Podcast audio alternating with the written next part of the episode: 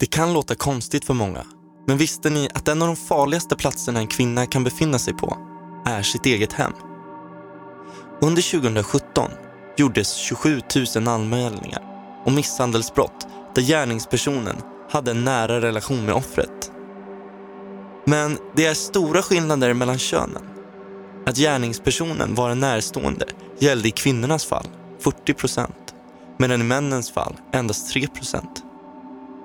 De två vanligaste brottstyperna när det gäller relationer är systematisk kränkning och försök att inskränka en persons frihet. Tyvärr så säger statistiken att merparten inte anmäler när de blir utsatta för våld i nära relationer. En nära relation avser att man har, eller har haft, ett partnerförhållande med en flickvän, pojkvän, hustru eller maka. Oavsett om man är samboende eller ej. Idag ska vi berätta om ett fall där en ung gravid kvinna försvinner och senare hittas mördad i sin före detta pojkväns lägenhet.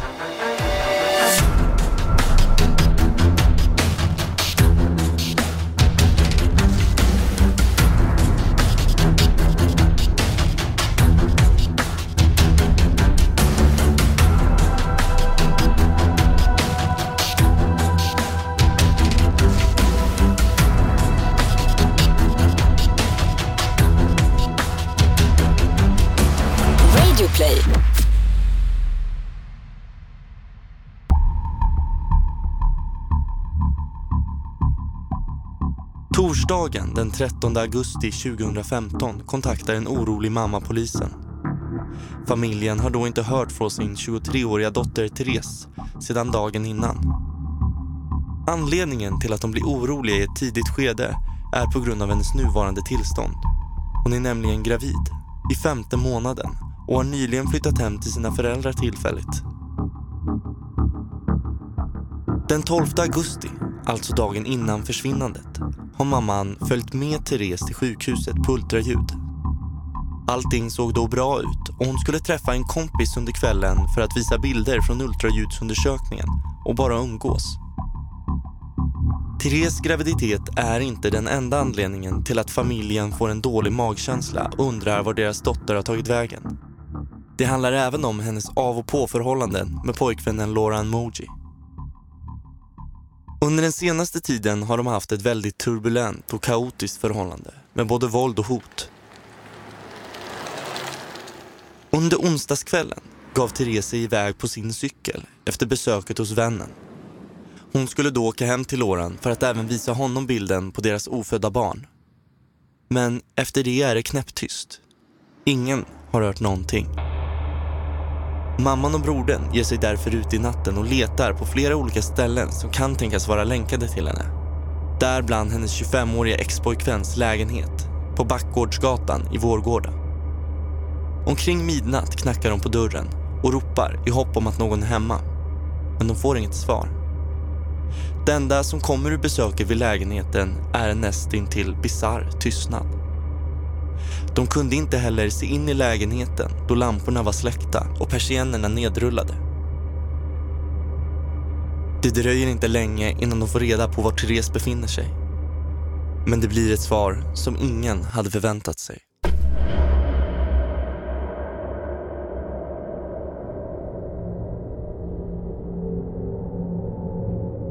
Under 2013 kommer Therese i kontakt med mannen som ska bli hennes framtida partner, Lauren Moji, via sajten Badoo.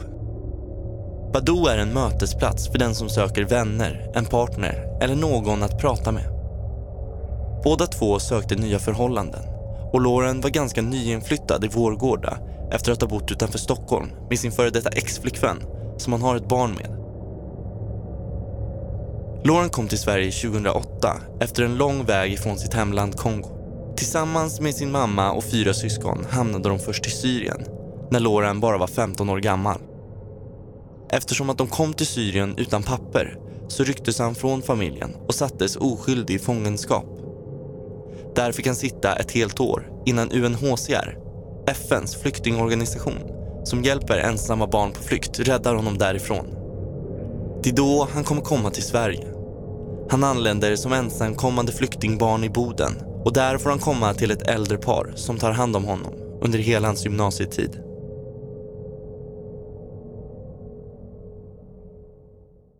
Lauren och Therese träffas under en period och blir officiellt ett par under 2014. Men redan efter ett par månader börjar Therese familj märka att något inte står rätt till.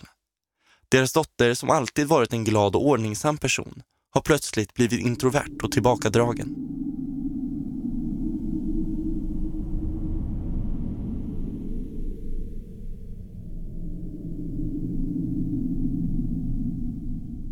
Hon slutade berätta saker för sina närmsta och de märkte att det var något som hon höll inom sig. Han prioriterade alltid sina kompisar i första hand och levde sitt liv lite som han ville. Paret bodde i separata lägenheter men sov över hos varandra för det mesta. Dock så bestämmer de sig ganska snart för att flytta in i Lorans lägenhet tillsammans. Therese, som alltid jobbat så mycket hon bara kunnat och varit sparsam, börjar få det kämpigt ekonomiskt. Lauren har inget jobb vid den här tiden och lever tillfälligt på socialbidrag. Familjen upplever det som att dotterns nya pojkvän lever på henne och att hon utnyttjas. De försöker prata med henne om det, men det är ingenting hon vill kännas vid. Kort därefter åker paret till Paris för att hälsa på Laurens mamma. En resa som Therese ensam stod för.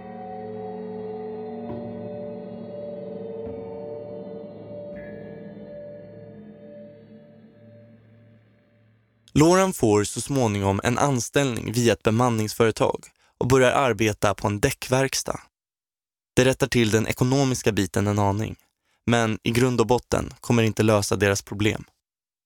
Trots att relationen bara börjat så bråkar de med varandra nästan varje dag.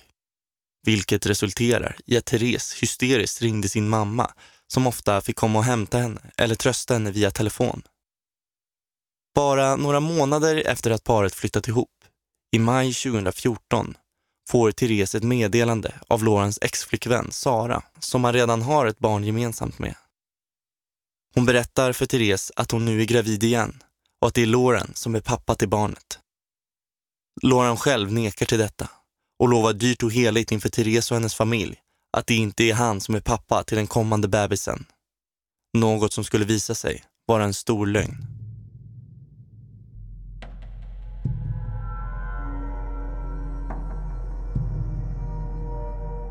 När Sara väl föder, i januari 2015, så vägrar Loran ta ett faderskapstest till en början. Men går slutligen med på det och det är som alla misstänkt.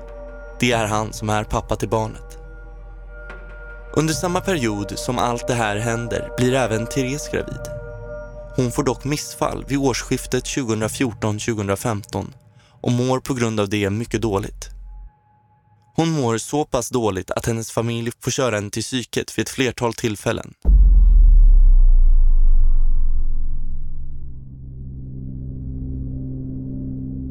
Under den här tiden var det mycket tjafs och bråk mellan henne och Lauren. Han kunde vara så provocerande och elak via sina sms att hon till slut blev helt hysterisk. Förhållandet fortsätter vara av och på. Ingen av dem kan hålla sig ifrån den andra. Och det dröjer inte länge innan Therese blir gravid igen. Hon är lycklig och längtar efter det kommande barnet. Något som hon tror att pojkvännen också är. Några månader in i graviditeten så fortsätter de bråka med varandra. Lauren blir allt mer aggressiv och vräker ur sig saker som “Jag hoppas du får missfall din hora” och vid ett tillfälle hotar han till och med med att döda henne.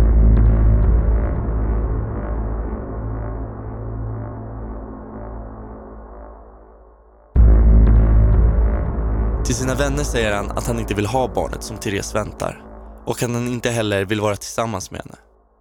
Men under midsommar 2015 kommer Lawrence både barn på besök, Therese är också med och under några veckors tid har paret det riktigt bra tillsammans. Men det dröjer inte länge innan det återigen vänder och nu börjar det trappas upp rejält.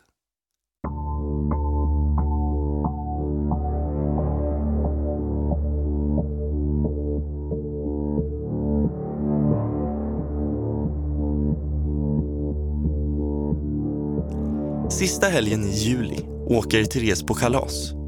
När hon kommer hem är det meningen att hon ska åka hem till Lauren. Men hon skickar ett sms och säger att hon inte orkar. Vilket han till en början accepterar. Efter någon timme ringer han upp henne och är plötsligt väldigt arg. För hon har brutit sitt löfte om att komma hem till honom. Hon väljer då att åka dit i alla fall. När de kommer dit börjar de omedelbart att bråka med varandra. Hon kastar en penna i huvudet på honom. Då blir han fly förbannad och slår henne flera slag i ansiktet och tar stryptag på henne innan han sparkar ut henne ur lägenheten så hon trillar i trapphuset.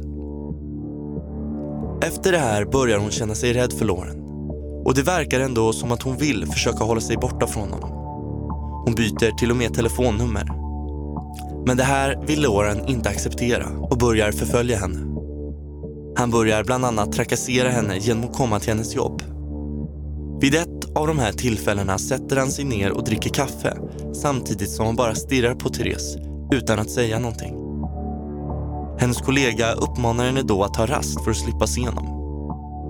Men Lauren vet att Therese går och sätter sig vid butikens lastbrygga under sina raster och går därför också dit.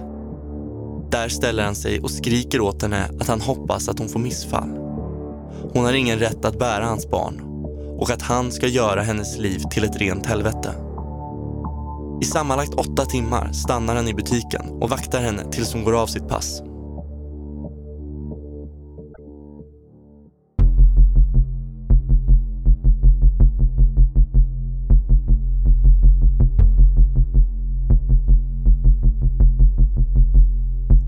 I början på augusti flyttar Therese hem till sina föräldrar. Hon tar då kontakt med en kille hon hade en flört med en tid innan hon träffade Lauren. En natt när Therese kände sig ledsen och rädd vill han att hon ska komma över till honom. Därför bestämmer hon sig för att mitt i natten åka och besöka honom. Något hon inte skulle ha gjort. Lauren har nämligen hackat sig in på hennes Facebook-konto, läst alla meddelanden och tagit reda på precis vart hon kommer att åka. Hon lämnar föräldrarnas bostad i sin bil. När hon är på väg att passera amatörsfabriken Gustavsberg står någon mitt i vägen och lyser med en ficklampa. Det är Lauren. Han sliter upp bildörren och säger Nej men hej älskling, vart ska du någonstans mitt i natten? Hon blir livrädd när han tvingar sig in i bilen och sätter sig bredvid henne. Hon ber honom att försvinna och lämna henne i fred flera gånger, men han vägrar. Istället tvingar han henne att köra till parkeringen utanför hans lägenhetshus. Och där får hon sitta under fem timmar och prata med honom.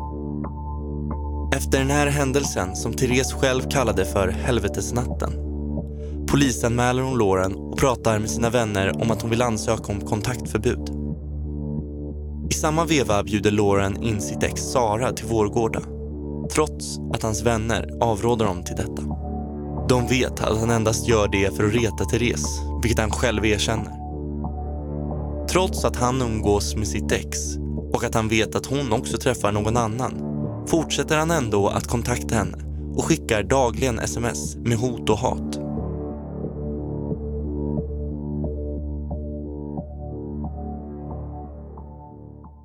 Passa dig jävligt noga. Det kan lätt hända en olycka. Det sker mord då och då eller varje dag. Det är slut mellan oss när jag säger att det är det.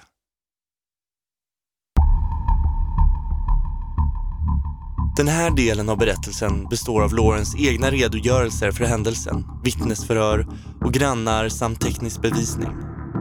Vi går nu tillbaka till dagen för Therese försvinnande, den 12 augusti 2015.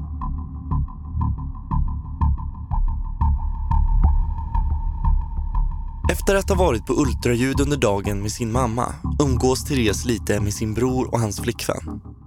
Under kvällen cyklar hon hem till en kompis för att visa ultraljudsbilderna. Hemma hos vännen kommer i kontakt med Lauren. Det är okej okay mellan dem den här dagen. De pratar i telefon en stund och bestämmer att de ska ses. Hon lämnar vännens bostad på cykel runt 21.30 och möter upp Lauren på lekplatsen utanför hans lägenhet. De sätter sig på en bänk och börjar prata. Inledningsvis är de trevliga mot varandra och de gläds tillsammans åt deras gemensamma barn som ser ut att må bra i magen. Men det dröjer inte många minuter innan Lauren börjar leda in samtalet på hennes träffar med sin före detta pojkvän. Det här gör Therese mycket upprörd och de börjar argumentera. Hon vill en gång för alla förklara för Lauren att de troligtvis aldrig kommer kunna hitta tillbaka till varandra och få en relation att fungera. Hon vill uppfostra barnet på egen hand och han ska inte ha någonting med det att göra. Då han svarar säger han bara “Tack, du vann”.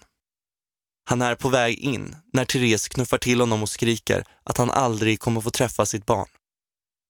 Han blir då varm i hela kroppen och kan inte kontrollera sin ilska. Han börjar slå henne i ansiktet på halsen med flera slag. Hon faller till marken och blir medvetslös.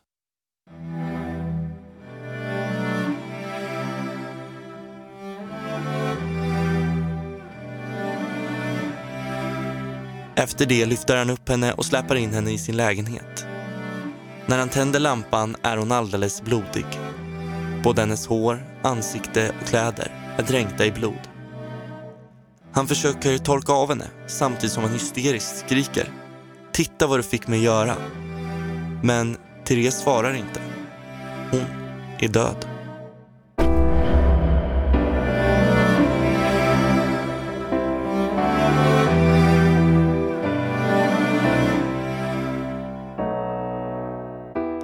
När Lauren inser vad han har gjort sparkar han sönder ett glasbord innan han klär av sig sina blodiga kläder och går in i badrummet för att duscha.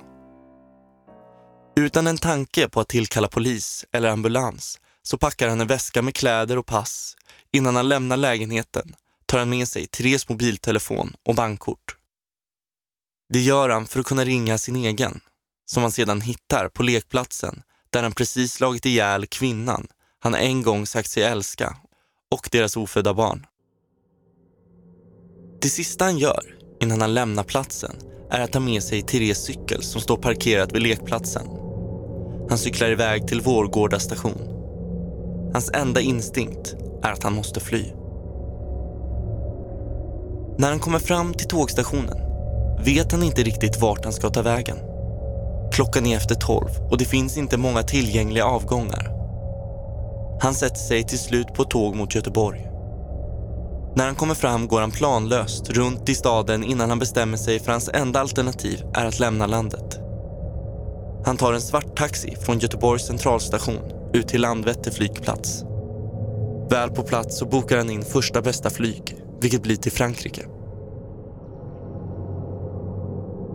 Planet går sex på morgonen, men ska mellanlanda i Bryssel. På flygplatsen i Bryssel är han så förvirrad att han missar planet. Han går istället till första bästa butik där det säljs simkort och ringer sin mamma och berättar vad som har hänt. De skriker hysteriskt på varandra innan mamma uppmanar honom att lugna ner sig. Det gör han och tar en buss in till centrala Bryssel. Därifrån bokar han sedan en bussbiljett till Luxemburg och därifrån åker han vidare med tåg till Hannover.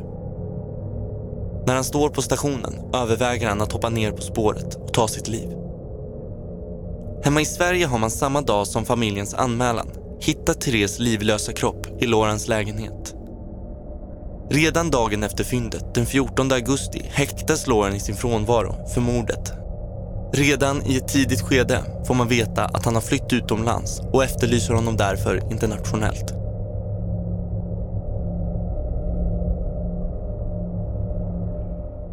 Under flykten har Lauren återaktiverat sin profil på Badoo. Sajten som han använde för att komma i kontakt med Therese under 2013. Den kopplar upp på olika platser i Europa, bland annat Ryssel och Hannover. Vilket gör att han efter två veckors flykt grips på en flyktingförläggning av fastgruppen i Tyskland efter att de spanat utanför denna plats i flera dagar. Fastgruppen är specialiserade på att spåra personer som är internationellt efterlysta av svenska eller utländska myndigheter för lagföring eller för att avtjäna fängelsestraff. Fastgruppen arbetar med utredare och åklagare i ärenden där brottsutredningen kommit så långt att gärningsmannen har identifierats och att de blivit internationellt efterlysta eftersom att de tros ha lämnat landet. Förkortningen FAST kommer från engelskan Fugitive Active Search Team. FAST är en del av ett europeiskt nätverk, NFAST, där motsvarande grupper finns i alla EU-länder. Gruppen bildades för att personer som begår brott i Sverige inte ska kunna hålla sig gömda utomlands. Arbetet består därför av att biträda Åklagarmyndigheten, Kriminalvården eller Socialstyrelsen i att lokalisera och få eftersökta personer gripna oavsett var i världen de befinner sig. Sverige ska inte heller vara en fristad för utländska brottslingar och därför ingår också att biträda utländska polismyndigheter när de söker efter internationellt efterlysta personer som antas befinna sig i Sverige. När en internationellt efterlyst person slutligen grips ska denna upplysas om arresteringsorden och vad den innebär. För gripandet får den efterlyste också möjligheten att samtycka till att överlämnas till det land som söker denne.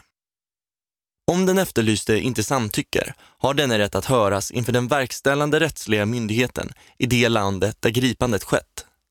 Därefter är det myndigheten som beslutar om ett överlämnande ska ske. Ärendet ska handläggas skyndsamt och inom vissa tidsfrister. Tyskland och Sverige har dock mycket väl upparbetade kontakter i rättsliga frågor. Huvudregeln är att ett överlämnande ska ske senast tio dagar efter det slutgiltiga beskedet om överlämnande. Några dagar efter gripandet, när Lauren slutligen ska överlämnas till Sverige, går man igenom hans mobiltelefon och i sms-trafiken hittar man framförallt konversationer mellan honom och hans exflickvän Sara. Där skriver han bland annat om hur han har planer på att anmäla sig själv till polisen och vad han i så fall skulle skriva. Dessa meddelanden kommer från appen Viber. Hej, det är jag, Lauren Moji, som är efterlyst. Jag har bestämt mig för att anmäla mig själv till polisen. Jag mår fucked up i huvudet av den här händelsen jag gjorde. Jag kan själv inte tro att det var jag som gjorde en sån hemsk grej. Jag kommer hem till Sverige och lämnar mig själv till närmaste polis. Eller så fort jag kommer till närmaste EU-land. Jag är utanför Europa nu och skulle kunna fortsätta min väg, men det känns inte rätt. Han ber även Sara om pengar. Kan du snälla skicka pengar till mig så jag kan köpa en ny telefon? Jag är rädd att jag blir avlyssnad och det känns inget bra. Sara skriver vid upprepade tillfällen och uppmanar honom att han ska anmäla sig själv. Han svarar minst lika många gånger att han tänkt göra det. Förutom detta frågar Lauren Sara om hon och deras två barn kommer finnas där för honom när han sitter i fängelse. Och det lovar hon. Lauren vill att de ska ta en kort semester tillsammans. Han vet och känner på sig att det är ett långt fängelsestraff han kommer ha framför sig. Med flera olika kontakter berättar han vad han gjort och möjligheterna han har att anmäla sig själv eller alternativet att ta sitt liv. En del av bevisningen är därför konversationen som polisen hittar där Loren erkänner att han är skyldig till mordet på Therese. Den 15 oktober väcks åtalet och den 26 oktober inleds tingsrättsförhandlingarna i Alingsås tingsrätt. Tisdagen den 17 november faller domen. Han döms till 18 års fängelse för mord. Det står bland annat i domen att utredningen visar att den historien som Lauren gett på hur mordet på Therese gått till inte stämmer överens i alla delar. Att han utdelat mellan 7 till 10 slag mot hennes ansikte och hals stöds av den tekniska bevisningen. När hon hittades kunde hon på grund av skadorna inte identifieras med fotografi. Av obduktionsprotokollet framgår det att hon hade omfattande skador på huvud och ansikte. Bland annat frakturer som orsakats av trubbigt våld. Det är en sak som inte stämmer. Therese är nämligen strypt till döds. Redan vid den första preliminära undersökningen som gjordes på plats fanns det tydliga tecken på strypning. Och i det slutgiltiga protokollet har kvävning orsakats genom strypning med händer. Och det finns ingen alternativ dödsorsak eller alternativ tillvägagångssätt. Det troliga motivet? Hon skulle inte få bli mamma till hans barn om han inte fick vara med i bilden. En särskilt försvårande omständighet enligt tingsrätten är att Therese var gravid i vecka 20 med Lorens barn och avslutar med citat. I detta fall finns inte några förmildrande omständigheter och att straffvärdet för mordet motsvarar fängelse på livstid.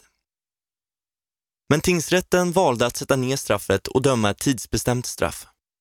Det motiveras i domen med att 24-åriga Lauren utvisas från Sverige med obegränsat förbud att komma tillbaka. Rätten fann att hans anknytning till Sverige var begränsad, men menar att han i viss mån etablerar sig i landet. Därför sätts påföljden ned från livstidsfängelse till ett tidsbegränsat straff. Åklagaren, överklagar domen till hovrätten och vill att Lauren ska dömas till livstid. I överklagan skriver åklagare Robert Beckard att det i tingsrättens dom, citat, angetts att det inte framkommit några förmildrande omständigheter, men däremot en mängd försvårande omständigheter. Slutcitat. Han skrev att utvisningen inte bara har haft så stor betydelse för att straffet skulle sänkas till något som i praktiken innebär att Lauren skulle friges efter 12 år. Citat, det riktiga hade istället varit att döma honom till livstidsfängelse i enlighet med straffvärdet. Den 25 januari 2016 kommer Västra Sveriges hovrätt med sin dom. Straffet skärps till livstidsfängelse.